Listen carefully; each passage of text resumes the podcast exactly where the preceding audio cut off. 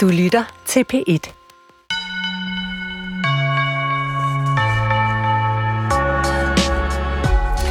Hvis jeg nu tilbød dig 10 millioner kroner, vil du så ikke bare sige ja tak og besøge mig personligt for at hente pengene?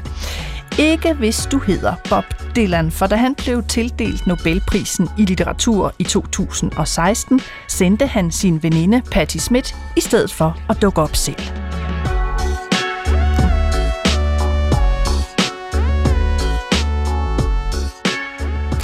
Ja, og øh, takketalen, som Patty læste, viste sig desuden at være skrevet af af Dylan fra internettet. Og så er der jo øh, forfatteren Haruki Murakami, der direkte har frabedt sig at få Nobelprisen i litteratur, selvom han ofte nævnes som favorit.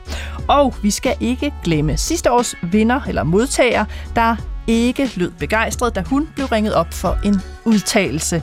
Louise Glicks kommentar var, åh nej, nu mister jeg alle mine venner. Så i morgen, når det afsløres, hvem der bliver modtageren af Nobelprisen i litteratur for 2021, så skal vi måske ikke lykønske modtageren, men derimod kondolere. Måske er prisen simpelthen passé. I den her udgave af Skønlitteratur på P1 ser jeg nærmere på Nobelprisen i litteratur. Hvem kan risikere at få den? Hvad skal vi med den? Og hvordan er det gået før omtalte Louise Glick, der nu endelig er udkommet på dansk. Jeg er din vært og hedder Nana Mogensen, og som dagens Nobel-guide har jeg med mig i studiet en, der ved en masse om litteraturprisen og om sidste års modtager. Han hedder Kim Skotte. Velkommen til.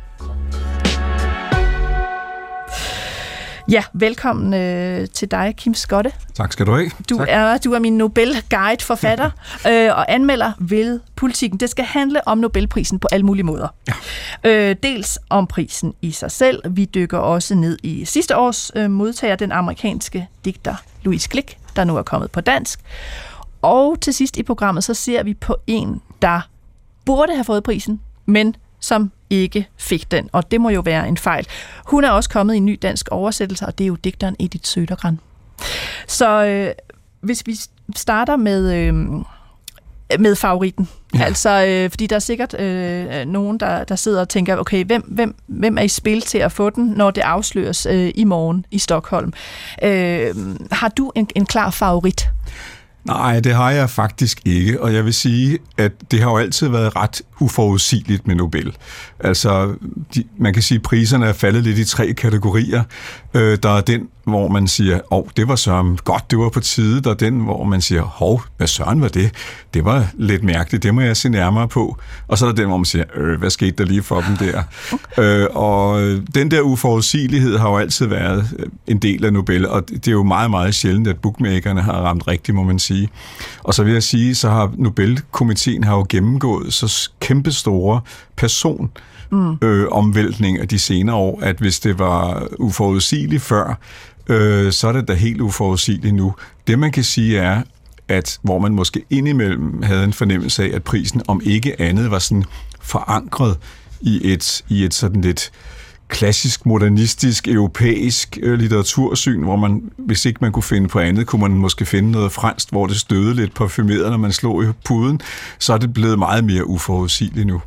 Så øh, feltet er meget, meget åbent, selvom det er de samme øh, favoritter, der dukker op hver år. Og, og nu vi snakkede om Haruki Murakami, altså jeg tror ikke på det. Jeg tror, der, der tror jeg stadigvæk, Nobel er lidt for highbrow til Haruki.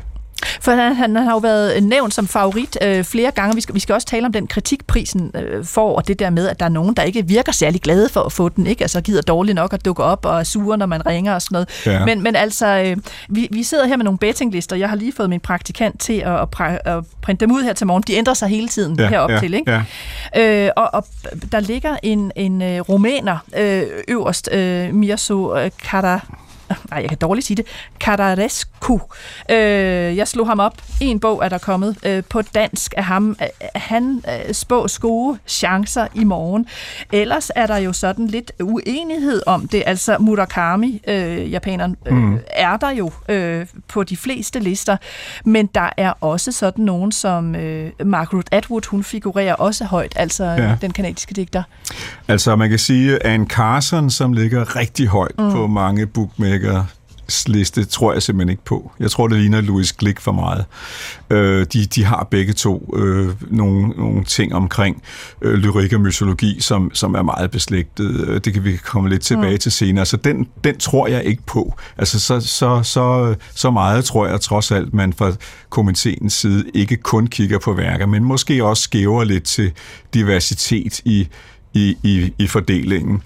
Og øh, når vi snakker diversitet, så må man jo sige, at, at der er jo lidt at indhente, øh, hvis prisen øh, skal komme ud over det sådan klassisk europæiske øh, litteratursyn.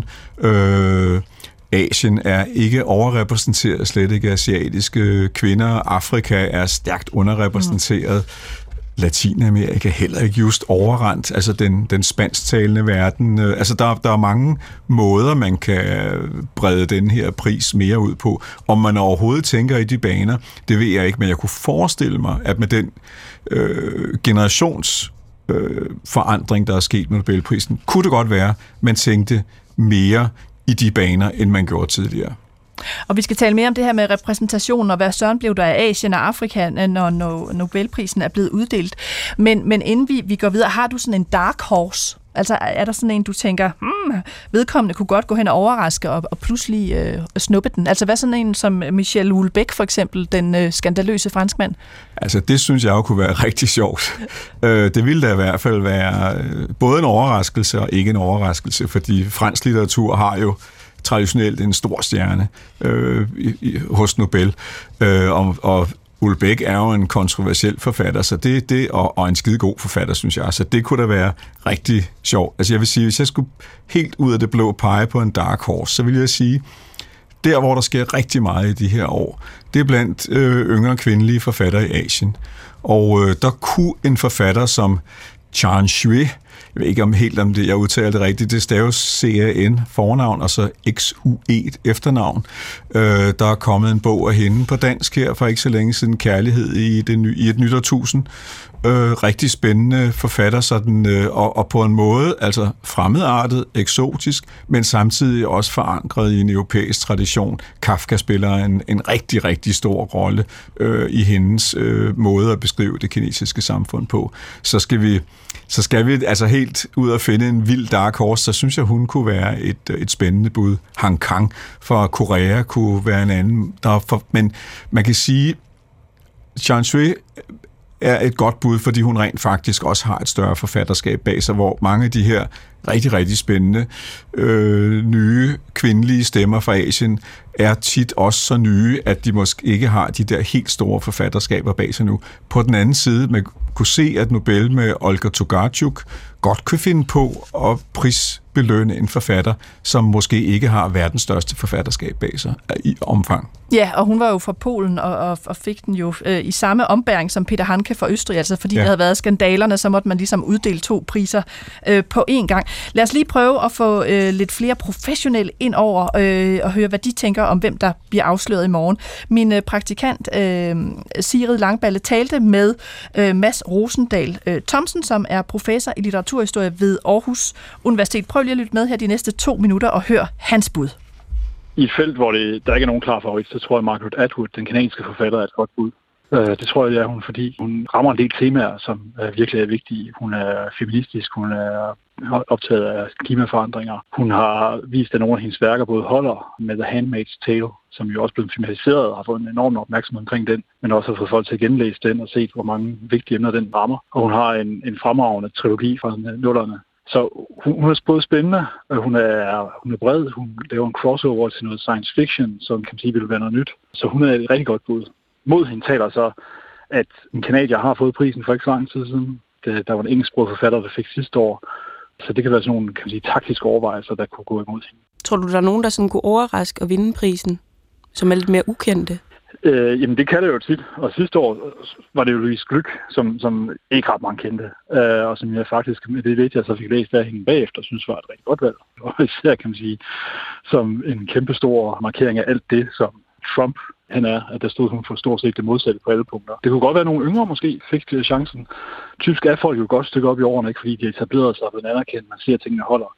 Så, så et fragtbud, det kunne jo for eksempel være øh, Karl Karl Knavsgaard.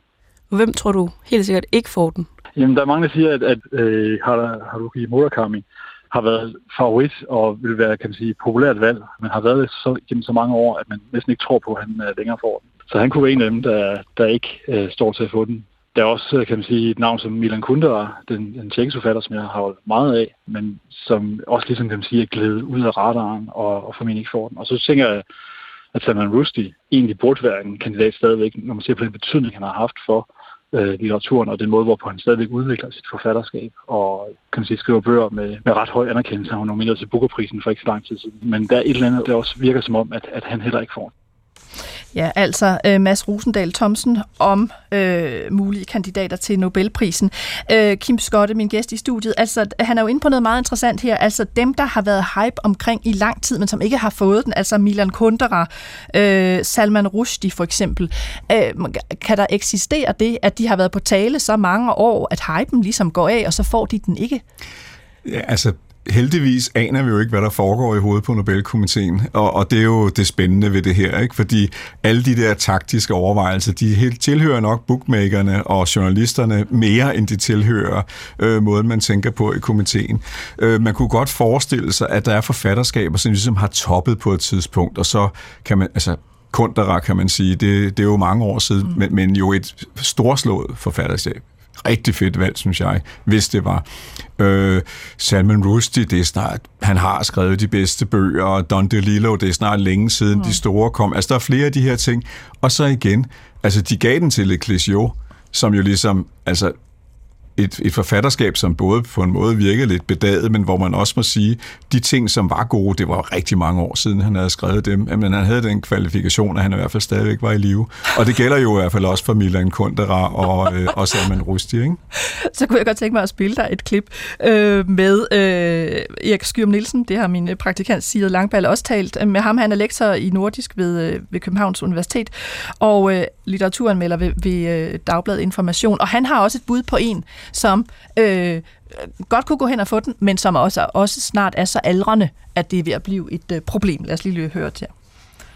Det mest oplagte ville jo være, hvis man gav den til øh, Adonis, øh, stor syrisk lyriker og nærmest altså centralskikkelsen i arabisk talende eller arabisk skrivende øh, modernisme. Han nævnes på linje med T.S. Eliot, som jo i sin tid også fik Nobelprisen. Problemet er bare, at Adonis, som jeg faktisk har mødt i Aalborg, han er 91 år, så det begynder altså at, at knive, medmindre man altså kan bære ham op øh, på podiet. Så synes jeg også, det er rimeligt at, at pege på Margaret Atwood. Øh, hun har alderen til det, kan man sige, lige i begyndelsen af, af 80'erne, og stort publikum over hele verden. Men der kan man sige, at Margaret Atwood øh, måske ikke har været produktiv de senere år, og der er godt nok gået mange år siden tjenerindens fortælling. Hvis man ser geografisk på det, så er det meget oplagt at tænke på Afrika. Og der har jo altså Kenya i Ngugi Wachongo en oplagt kandidat, som også mange gange har været nævnt i forbindelse med øh, Nobelprisen.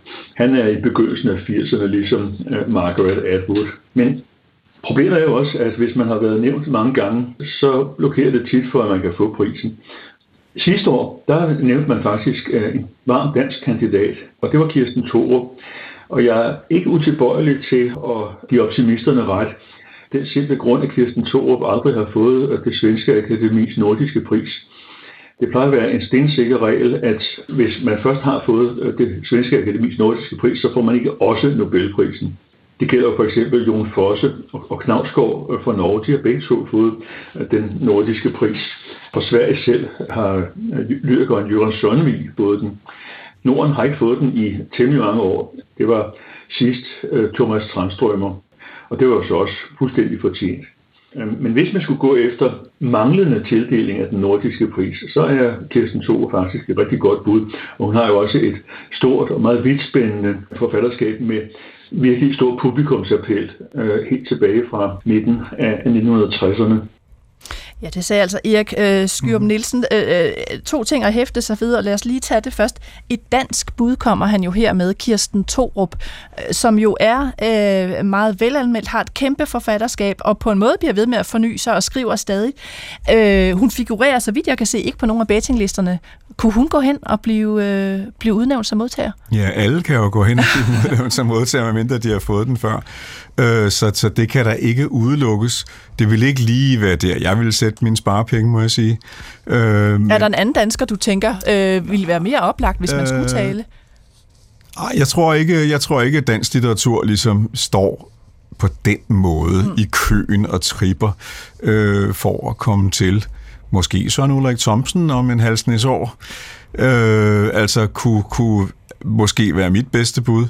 Øh, jeg, jeg, jeg tænker lidt, altså det her med øh, argumentet med, at de så også er populære, det plejer altså ikke at være noget, der giver fjer i hatten hos Nobel, at man, at man rent faktisk er bredt læst. Mit indtryk er, at man er meget mere optaget af at sætte fokus på forfatterskaber, som burde have fået øh, mere opmærksomhed, end de har fået.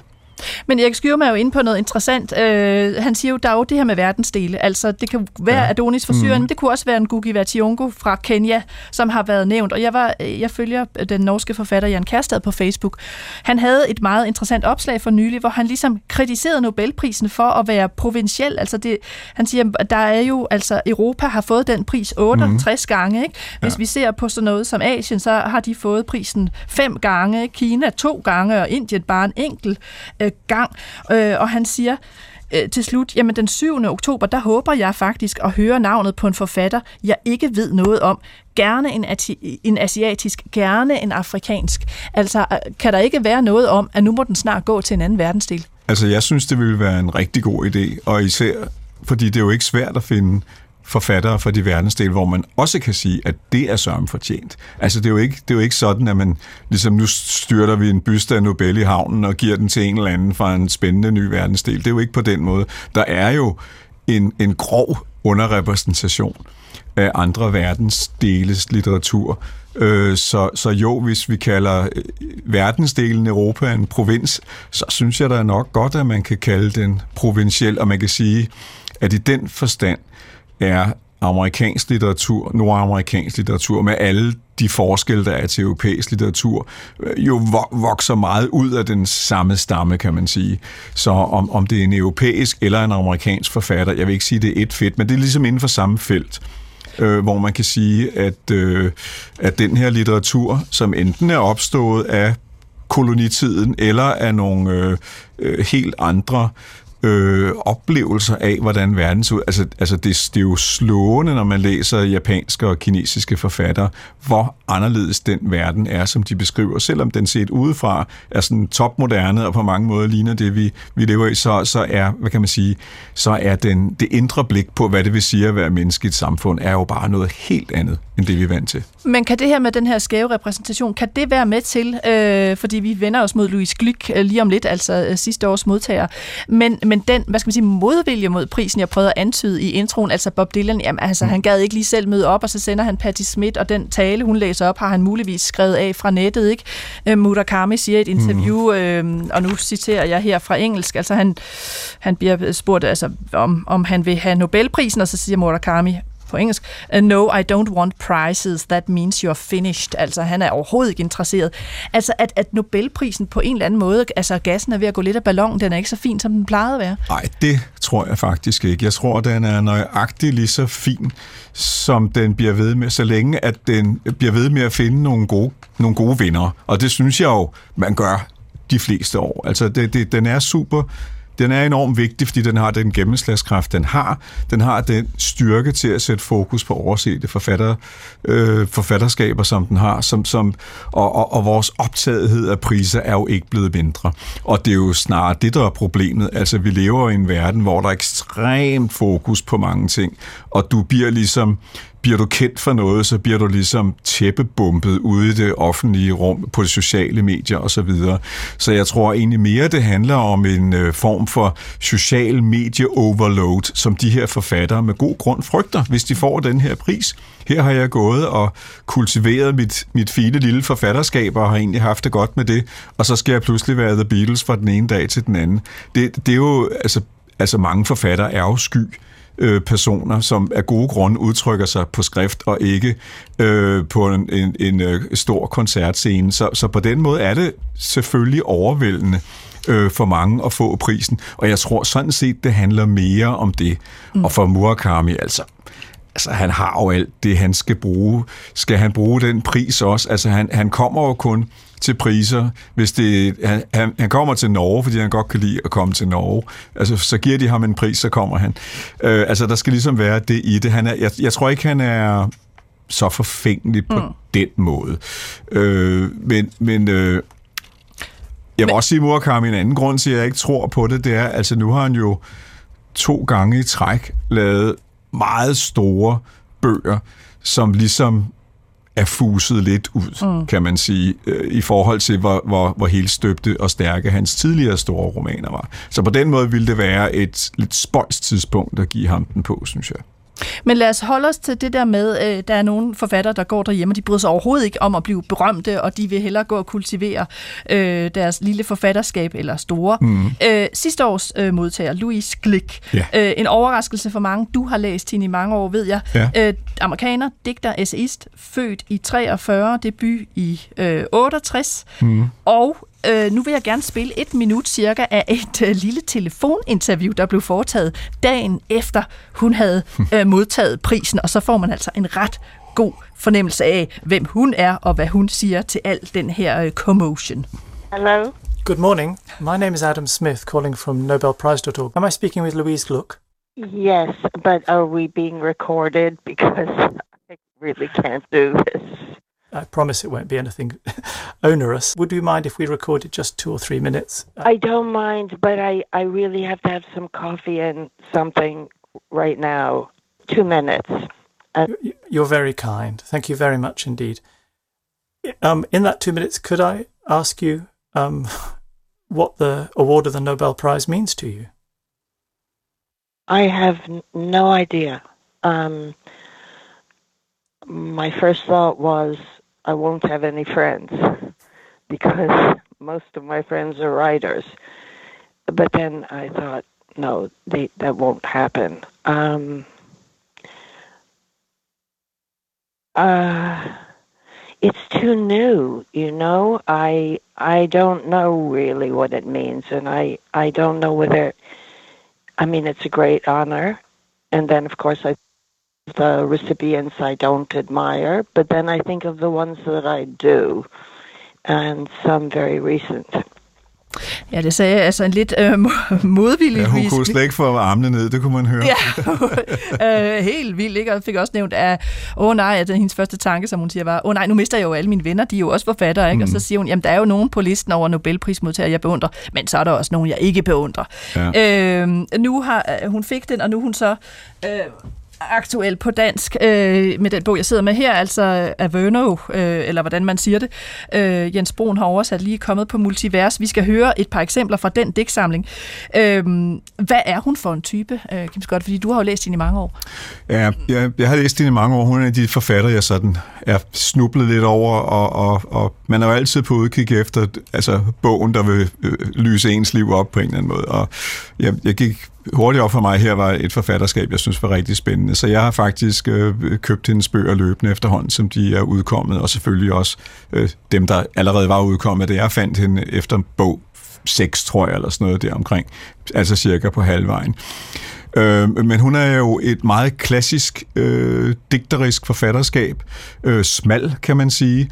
Øh, det er et forfatterskab, der fokuserer meget på det personlige, men altid, næsten altid spejlet i det mytologiske.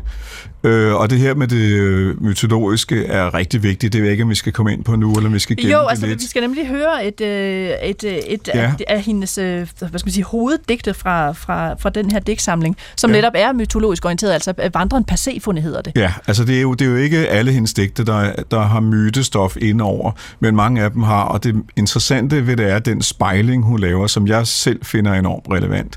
Altså, myterne er jo en måde for os, at vi kan forstå fortidens mennesker, som om de var øh, nutidens, men det er jo også en måde at give vores eget liv betydning på. Altså, vi, vi, vi lever også liv, der er mytologiske. Vi har bare lige ligesom vendt os til, åh, vi er 8 milliarder mennesker, hvad betyder jeg? Og hell of beans in this crazy world, ikke? Altså, myten er et spejl, der, der kaster lys på andre tiders mennesker, men også kaster lys på vores eget liv.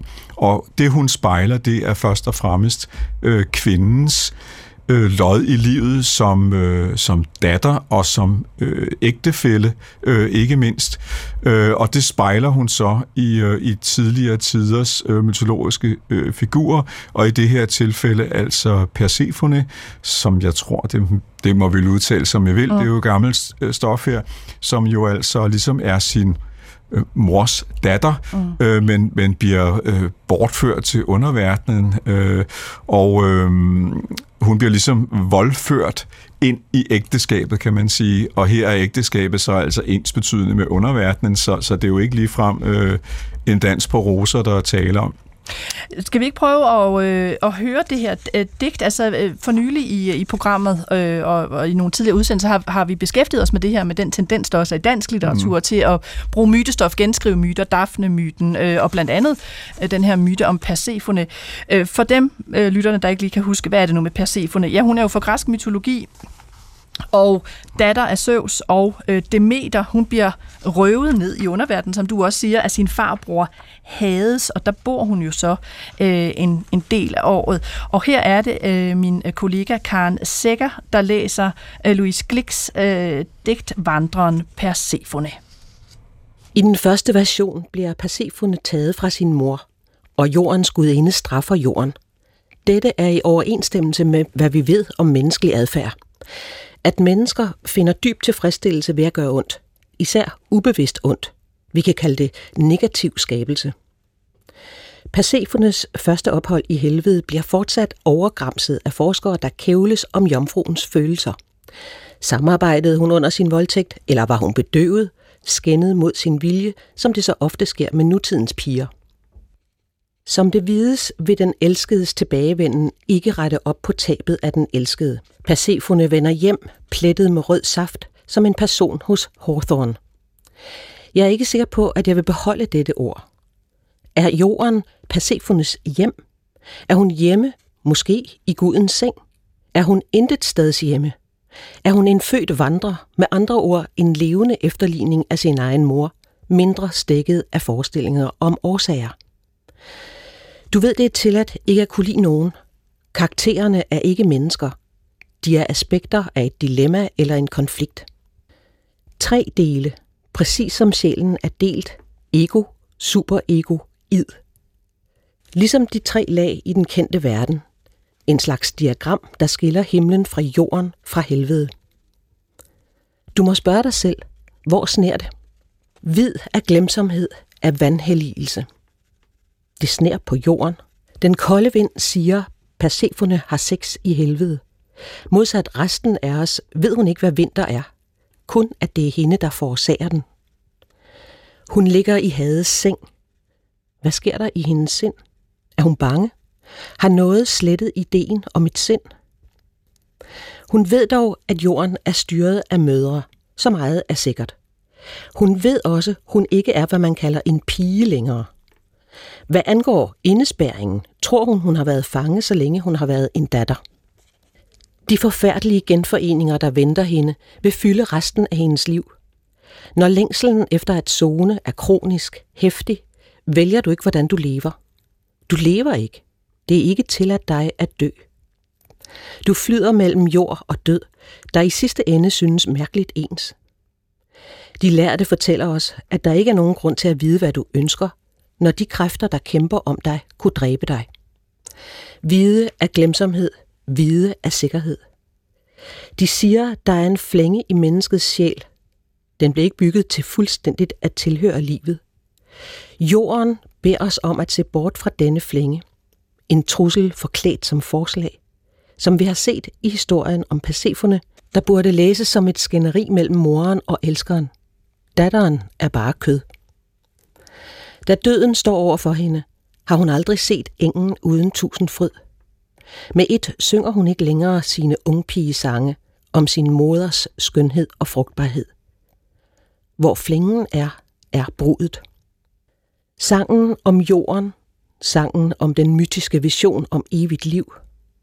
Min sjæl, knust af kampen for at søge at tilhøre jorden.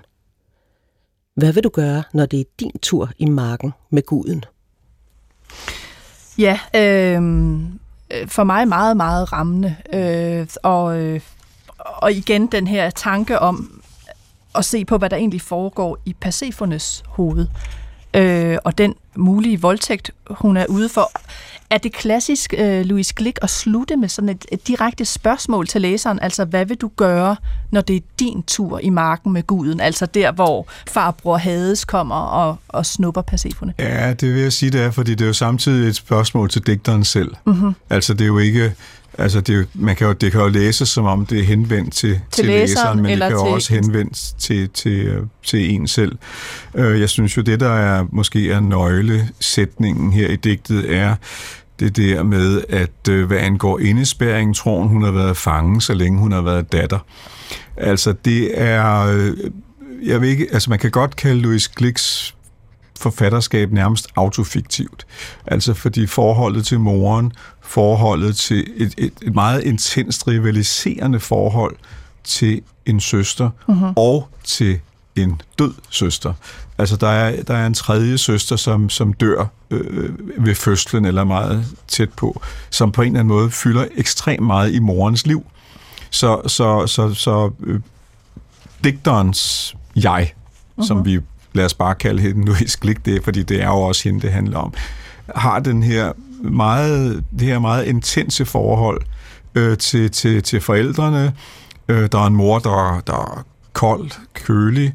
Øh, der er en far, der ikke er til at få fingrene i, og samtidig siger moren, øh, når du en dag skal giftes, så må du finde en som din far, men der findes faktisk ikke andre som din far, står der i et af digtene. Så der er det her hvad kan man sige, lidt intenst, intenst freudianske holdopstilling i digtene, øh, som, som jo gør, at, at det er et, et meget, meget brandfarligt personligt forfatterskab. Og samtidig så er der hele tiden den her forskydning i det, som, bliver, som placerer det et sted, hvor det bliver meget mere en autofiktion, som gør, at det bliver enten mytologisk, eller i hvert fald øh, almen gyldigt. Øh, vi har alle sammen haft mødre, fædre, søskende, de fleste af os i hvert fald. Øhm, så, så man kan sige, der, vi har alle sammen vores egen lille olymp, mm. øh, vi, vi bevæger os i, og det er, er det her guddommeligt menneskelige stenhårde univers, som, som Glick gang på gang kaster øh, for, altså, både meget overrumplende lys på, men også meget nådesløst sandheds sandbro lys på, og sådan, øh, ja, det er bare, det, det er sgu et, det er et hårdt forfatterskab på den måde, synes jeg, men det er også rigtig, rigtig spændende og meget givende, fordi det sprogligt er så øh, ekstremt forfinet, præcist ciseleret, som det er. Ja, datteren er bare kød. Jeg skal sige øh, også, at i den her udgave, øh, der er der faktisk den engelske tekst på venstre side og den danske oversættelse på højre, Ja. så man kan hele tiden gå frem og tilbage. Ja. Jeg synes, vi skal snuppe et lidt kortere digt, så man altså, virkelig bliver forstærket i det, så må lytterne derhjemme godt gå tilbage og høre det som podcast, eller høre det på nettet igen, så I kan få digtet en gang til, fordi det, det er jo meget at tage ind på én gang, men så får I i hvert fald en fornemmelse. Det her, det er det digt, der hedder øh, En myte om uskyld, og øh, igen altså min kollega Karen Sækker, der læser i Jens Bruns oversættelse. Prøv at lytte her. En sommer kommer hun som sædvanligt ud på marken, stopper lidt ved dammen, hvor hun ofte betragter sig selv, for at se, om hun kan spore nogle forandringer. Hun ser det samme menneske, den skrækkelige kåbe af datterlighed, der stadig hænger ved hende. I vandet synes solen meget nær. Det er min onkel, der spionerer igen, tænker hun. Alt i naturen er på en måde hendes slægtning. Jeg er aldrig alene, tænker hun, og gør tanken til en bøn. Så kommer døden til syne som svar på en bøn. Ingen forstår længere, hvor smuk han var, men Persefone husker det. Også at han omfavnede hende lige her, mens hendes onkel så det. Hun husker sollyset glimte på hans bare arme. Dette er det sidste øjeblik, hun husker klart. Så bar den mørke Gud hende bort. Hun husker også, mindre klart, den iskolde indsigt, at fra dette øjeblik kunne hun ikke mere leve uden ham. Pigen, som forsvinder fra dammen, vil aldrig vende tilbage. En kvinde vil vende tilbage og lede efter den pige, hun var. Hun stanser ved dammen og siger af og til, jeg blev bortført. Men det lyder forkert for hende. Slet ikke som, hvad hun følte. Så siger hun, jeg blev ikke bortført. Så siger hun, jeg tilbød mig selv. Jeg ønskede at flygte fra min krop. Nogle gange endda, jeg ville dette. Men uvidenhed kan ikke ville kundskab. Uvidenhed vil noget forestillet, som den tror er til. Alle de forskellige navneord, hun siger dem på skift. Død, ægtemand, Gud, fremmed. Alt lyder så enkelt, så konventionelt. Jeg må have været en enkel pige, tænker hun. Hun kan ikke huske sig selv som den person, men hun bliver ved med at tænke, at dammen vil huske, og forklare hende meningen med hendes bøn, så hun kan forstå, om den blev besvaret eller ej. Ja, her igen et digt fra uh, Louise Glick fra digtsamlingen Averno, som er udkommet på Multivers. Kim Skotte, øh, min fornemmelse er, at hun fik jo fremragende også anmeldelser, da hun kom på dansk, mm. men, og hun blev vel for, formodentlig oversat, fordi hun har fået Nobelprisen. Det, det kan man vist roligt gå ud fra. Det er det, fordi ingen kendte hende jo nærmest før. Men hvad så? Altså, min fornemmelse er, at så er det ligesom stagneret lidt. Altså, det er ikke sådan, at jeg regner med, at der kommer uendelig mange Louise Glick oversættelser. Hvad er din fornemmelse af, hvad der nu sker med hendes forfatterskab, blandt andet på dansk? Ja, det er jo et godt spørgsmål, altså fordi man kunne jo Altså, jeg ville jo egentlig nok have gættet på, at man ville have lavet en slags øh, udvalgte digte. Mm-hmm. Øh, man kan sige, at det giver god mening at oversætte en samling som Averno, fordi hendes, hendes digtsamlinger er så tematisk øh, fortættet, som de er. Samtidig vil jeg også sige, at det havde måske givet bedre mening at, at lave en, en mere ambitiøs, en, en, en, øh, en udvalgte digte, en slags Louise Glick reader, om man så må sige. Øh, fordi det her med at lade digtsamlingerne komme drøbende, der tror jeg simpelthen nok, at det er for eksklusivt et forfatterskab til, at, at øh, det måske vil have gang på jord. Altså, der er, hvis man ser på hendes forfatterskab, altså, det er jo ikke stort, det, jeg tror, det er 11 digtsamlinger, mm. plus og noget essays. essays omkring, omkring lyrik. Mm. Øh, så, så, så det er fortættet, det er smalt. Og der vil jeg nok sige, altså der er i hvert fald 5-6 af de her dæksamlinger, der er helt på højde med Averno, nogle af dem endda også bedre. Øh, så, så, så man kan sagtens udgive dem, men spørgsmålet er, om, om, øh, om, om læseren er der til det, men altså det kan man jo, det er jo op til forlægen at, at beslutte det. Princi- jeg kunne egentlig godt have tænkt mig, tror jeg, at en rigtig, en rigtig fed, ambitiøs gang udvalgte digte ville have været det, der skulle have været til her. Ja, for man kan jo sige, at det er jo ikke for at fornærme forlaget Multivers, men, men det er jo et lidt altså, så eksklusivt mindre øh, forlag. Det er jo ikke, altså, det, det er ikke Gyldendal eller Politikens forlag eller Lindhardt og Ringhof, der sådan øh, sp- sprøjter øh, Louise Glick ud, og man kan sige, da Patrick Modiano fik Nobelprisen i litteratur, der begyndte, jeg mener, det Lindhardt og Ringhof jo simpelthen at udsende Øh, ja, ja. Altså sådan øh, mange af hans romaner ikke i dansk ja. oversættelse. Ikke? Der var også nogle andre forlag på banen. Så meget for, for Louise øh, Glick i denne omgang. Jeg skal huske at sige, at du lytter til øh, skønlitteratur på P1, og temaet jo i dag er Nobelprisen i litteratur på godt og ondt med et særligt blik på sidste års modtager, altså Louise Glick. Jeg hedder Nana Mogensen og er din vært, og min gæst er øh, forfatter og anmelder ved Politikken, Kim Skotte. Og vi skal have lidt øh, musik, der peger på øh, en af de store nordiske digtere, som aldrig fik Nobelprisen i litteratur, og det var en fejl. Hun øh, hedder Edith Sødergran, og hende ser vi nærmere på lige om lidt.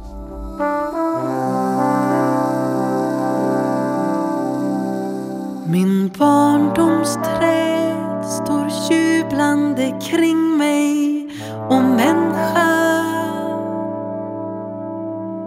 och gräset mig hälsar kommen ur främmande land.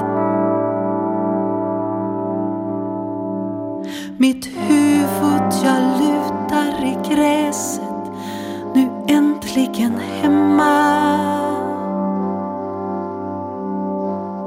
Nu vänder jag ryggen åt allting som ligger bakom mig.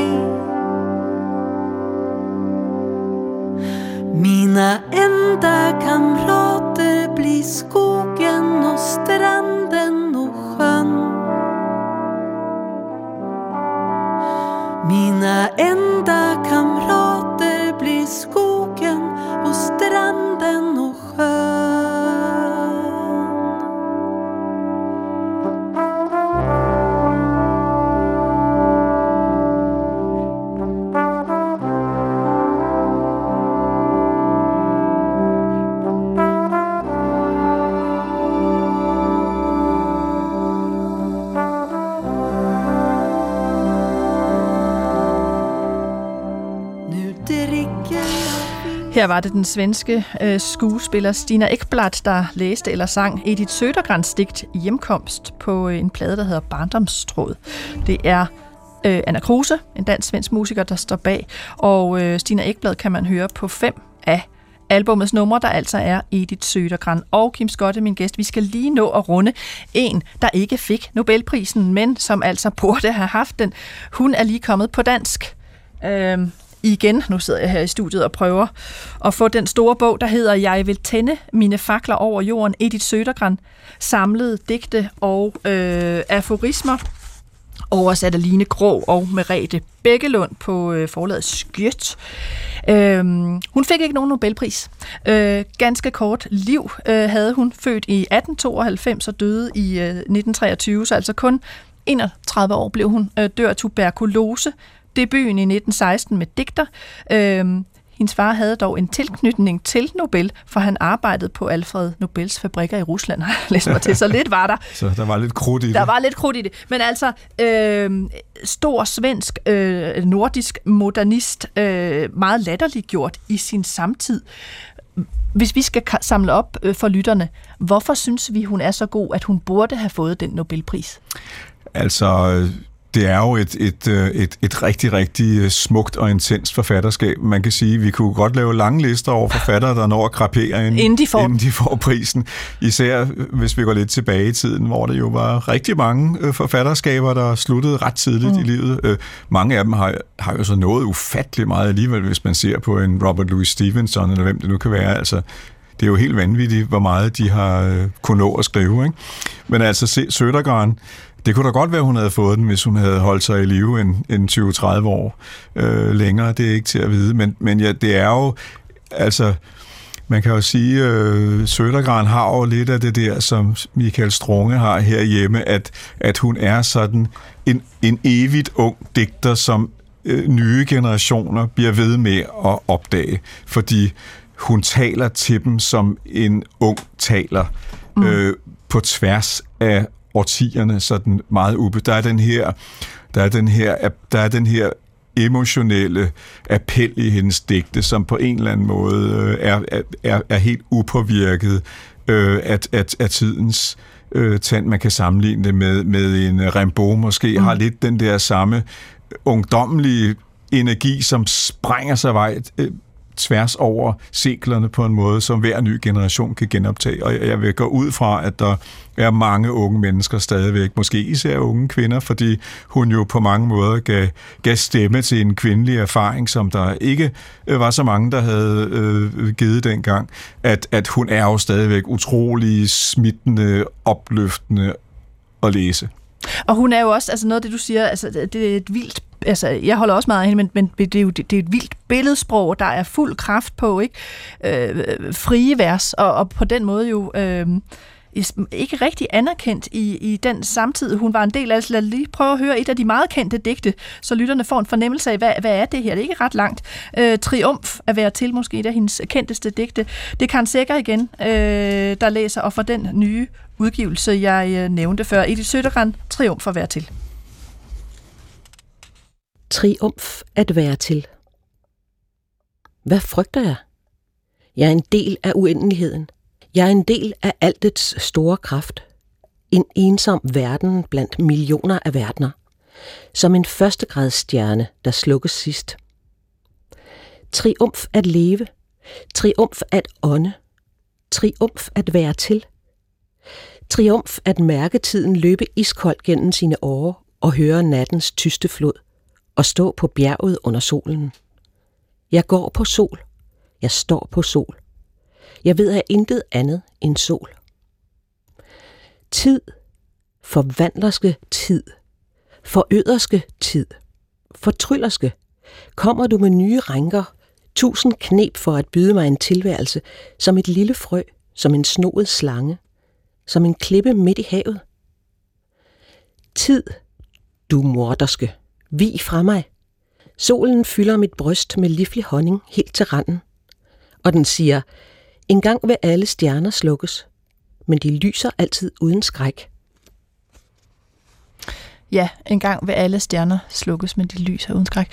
Øhm, Kim Skotte, når jeg sidder og ser på, på, på, på listen over Nobelprismodtagere, der, der fik den i den periode, hvor Edith Sødergran altså godt kunne, øh, sådan mellemkrigs... Øh, eller altså før, øh, lige omkring Første Verdenskrig, mm. øh, altså, så er der jo sådan nogle navne, som man i dag fuldstændig, øh, jeg i hvert fald ikke kender, altså i 22, øh, Jacinto Benavente, øh, Altså, okay, 21 Anatole France, ham læser man vel ikke så meget mere, så er der Hamson, ham kender vi jo stadig, ikke? Men, men altså, øh, og så i 17, hvor Danmark jo får den, men altså, øh, som Pontoppidan, ja, men øh, Karl Gellerup, ah, og når vi er i 15, øh, Romain Roland, øh, fransk forfatter også, men jo ikke nogen, der sådan er, er kendte i dag.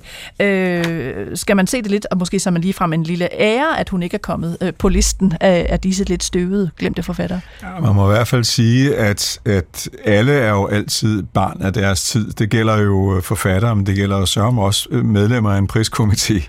Og øh, man kan bare bladre tilbage i gamle aviser og læse anmeldelser fra 40'erne eller 50'erne, og der vil være forfatterskaber, som bliver udråbt til det helt store, som ikke en djævel kan huske i dag. Øh, og så vil der være øh, forfattere, vi i dag betragter som totalt kanoniseret, som man faktisk ikke rigtig havde blik for i samtiden. Så jeg tror, det, det, det er bare en, en del af det, at, at vi alle sammen er meget mere børn af vores samtid, end, end vi øh, vil være vil være ved, når vi ligesom ophøjer os selv til, til evige dommer over, hvad der er skidt og hvad der er kanel. Øhm, altså, Selvfølgelig, det ville være smukt, hvis Edith Sødergran havde fået den, men altså det kunne man jo sige om mange, mange hundrede fremragende forfattere, at de burde have haft den.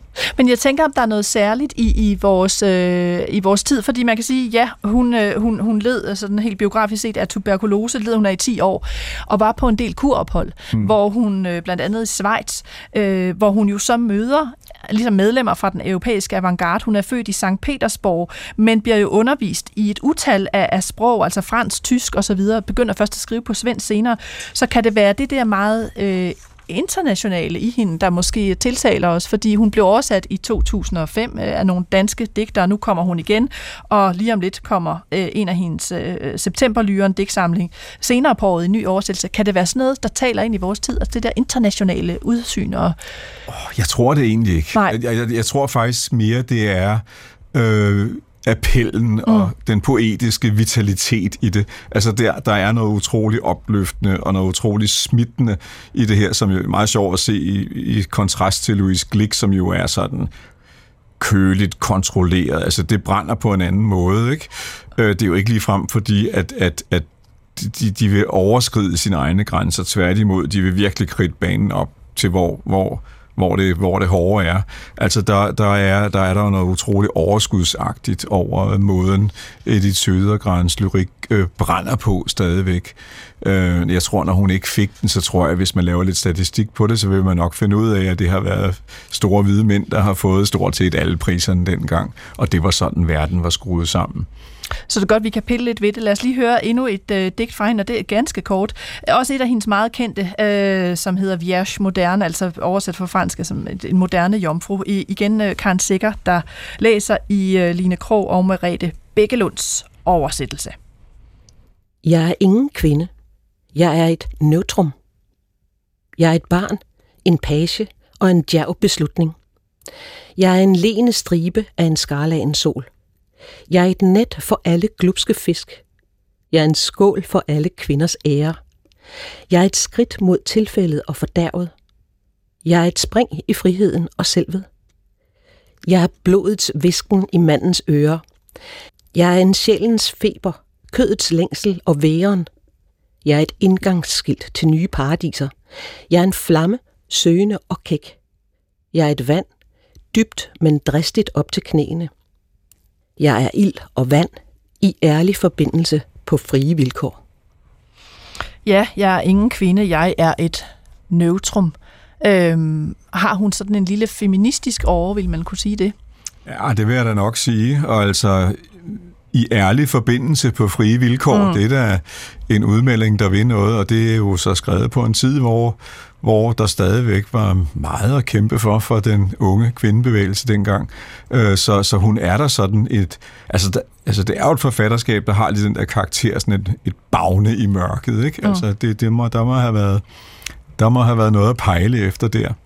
Og jeg kan også, altså hele den her form for repetition, altså jeg er, jeg er, det er der jo også mange øh, samtidige forfattere, for eksempel, jeg kommer i tanke om uh, Maja Langvads øh, øh, måde at skrive, altså en vrede ja. ud på med, hun er vred, fordi, altså det handler ja. om transnational adoption, men altså bruge den her mekanisme, som kører i, øh, i Sødergrans øh, lyrik. Ja, og en, og en rytme, mm. en, en, en, en lidt rock and roll før tiden rytme, altså der altså minde lidt om de tidlige Søren Ulrik Thomsen digter også, som jo har den her sådan meget øh, fængende øh, repetitionsform for, for rytme nogle af digtene. Det, det, er jo, det er jo meget moderne det her, på, på den der modernistiske måde altså her en anbefaling fra Kim Skotte og også undertegnet øh, til at læse en digter, som ikke fik Nobelprisen. Det burde hun have fået på en eller anden måde, men altså nu forelægger det samlede forfatterskab på dansk. Jeg vil tænde mine fakler over jorden, Edith Sødergran fra Skyts forlag, og senere i år så udgiver det lille forlag Korridor sørme øh, hele digtsamlingen, der hedder Septemberlyren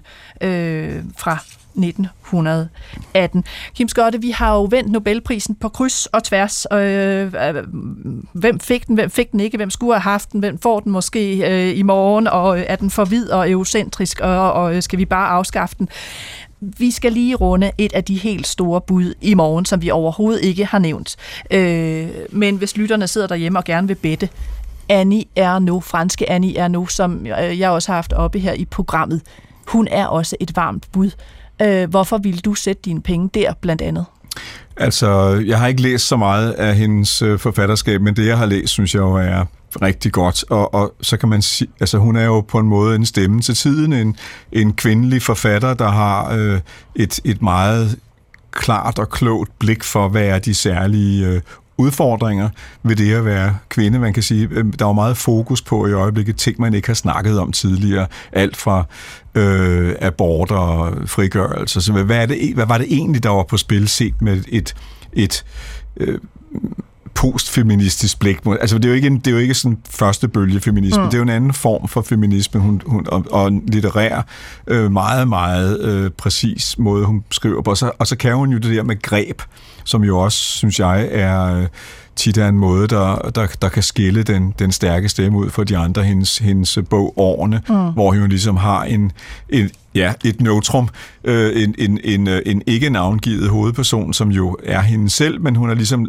kørt den der distance ind, så hun bliver i tredje person ental, i stedet for at blive første person ental, som giver en, en bare det lille greb gør, at hendes beskrivelse af, hvordan det var at, at vokse op, øh, hvad, hvad, hvad er et kvindeliv for noget, øh, at det får en helt sjov form for sådan paradoxal øh, nær distance i måden, hun har skrevet det på.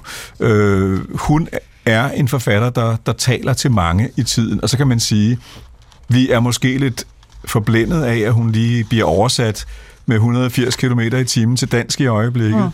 Mm. Øh, hun er blevet introduceret, som vidt jeg ved, ret, altså meget ret sent, sent på, på det meget sent marked. på det danske marked.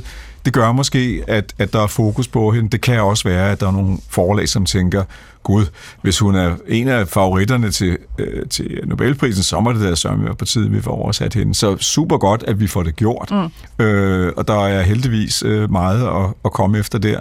Øh, skulle man sådan lægge alle de gustne overlæg sammen på et bus, så kunne det godt være Anja nu, der står for tur. Så mange blev ordene fra øh, min gæst, øh, forfatter og anmelder ved Politiken, Kim Skotte. Tak fordi du var med. Velbekomme. Og så kan jeg sige, at øh, det altså afsløres i morgen via det svenske akademi. Hvem der får Nobelprisen i litteratur 2021. Skønlitteratur på P1 er ved at være slut for denne gang. Jeg fik hjælp af Steffen Klint, Sissel Finderup, Sigrid Langballe, og jeg var din vært og hedder Nana Mogensen. Husk, du kan skrive til mig på litteratur DK. Næste uge, der bringer vi et helt eksklusivt interview med den hviderussiske forfatter Alek, øh, Svetlana Aleksevich, der var i Danmark for nylig. Hvordan klarer hun at leve i eksil i Tyskland? Hvad arbejder hun på? Og hvordan ser fremtiden ud i det, der kaldes Europas sidste diktatur? Og ja, Svetlana Aleksevich fik jo Nobelprisen i 2015.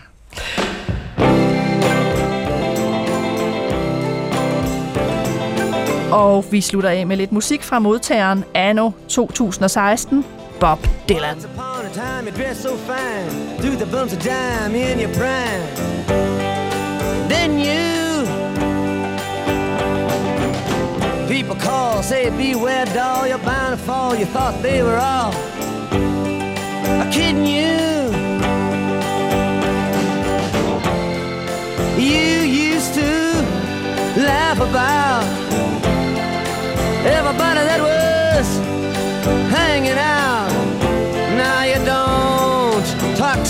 so loud. Now you don't seem so proud About having to be scrounging. Your next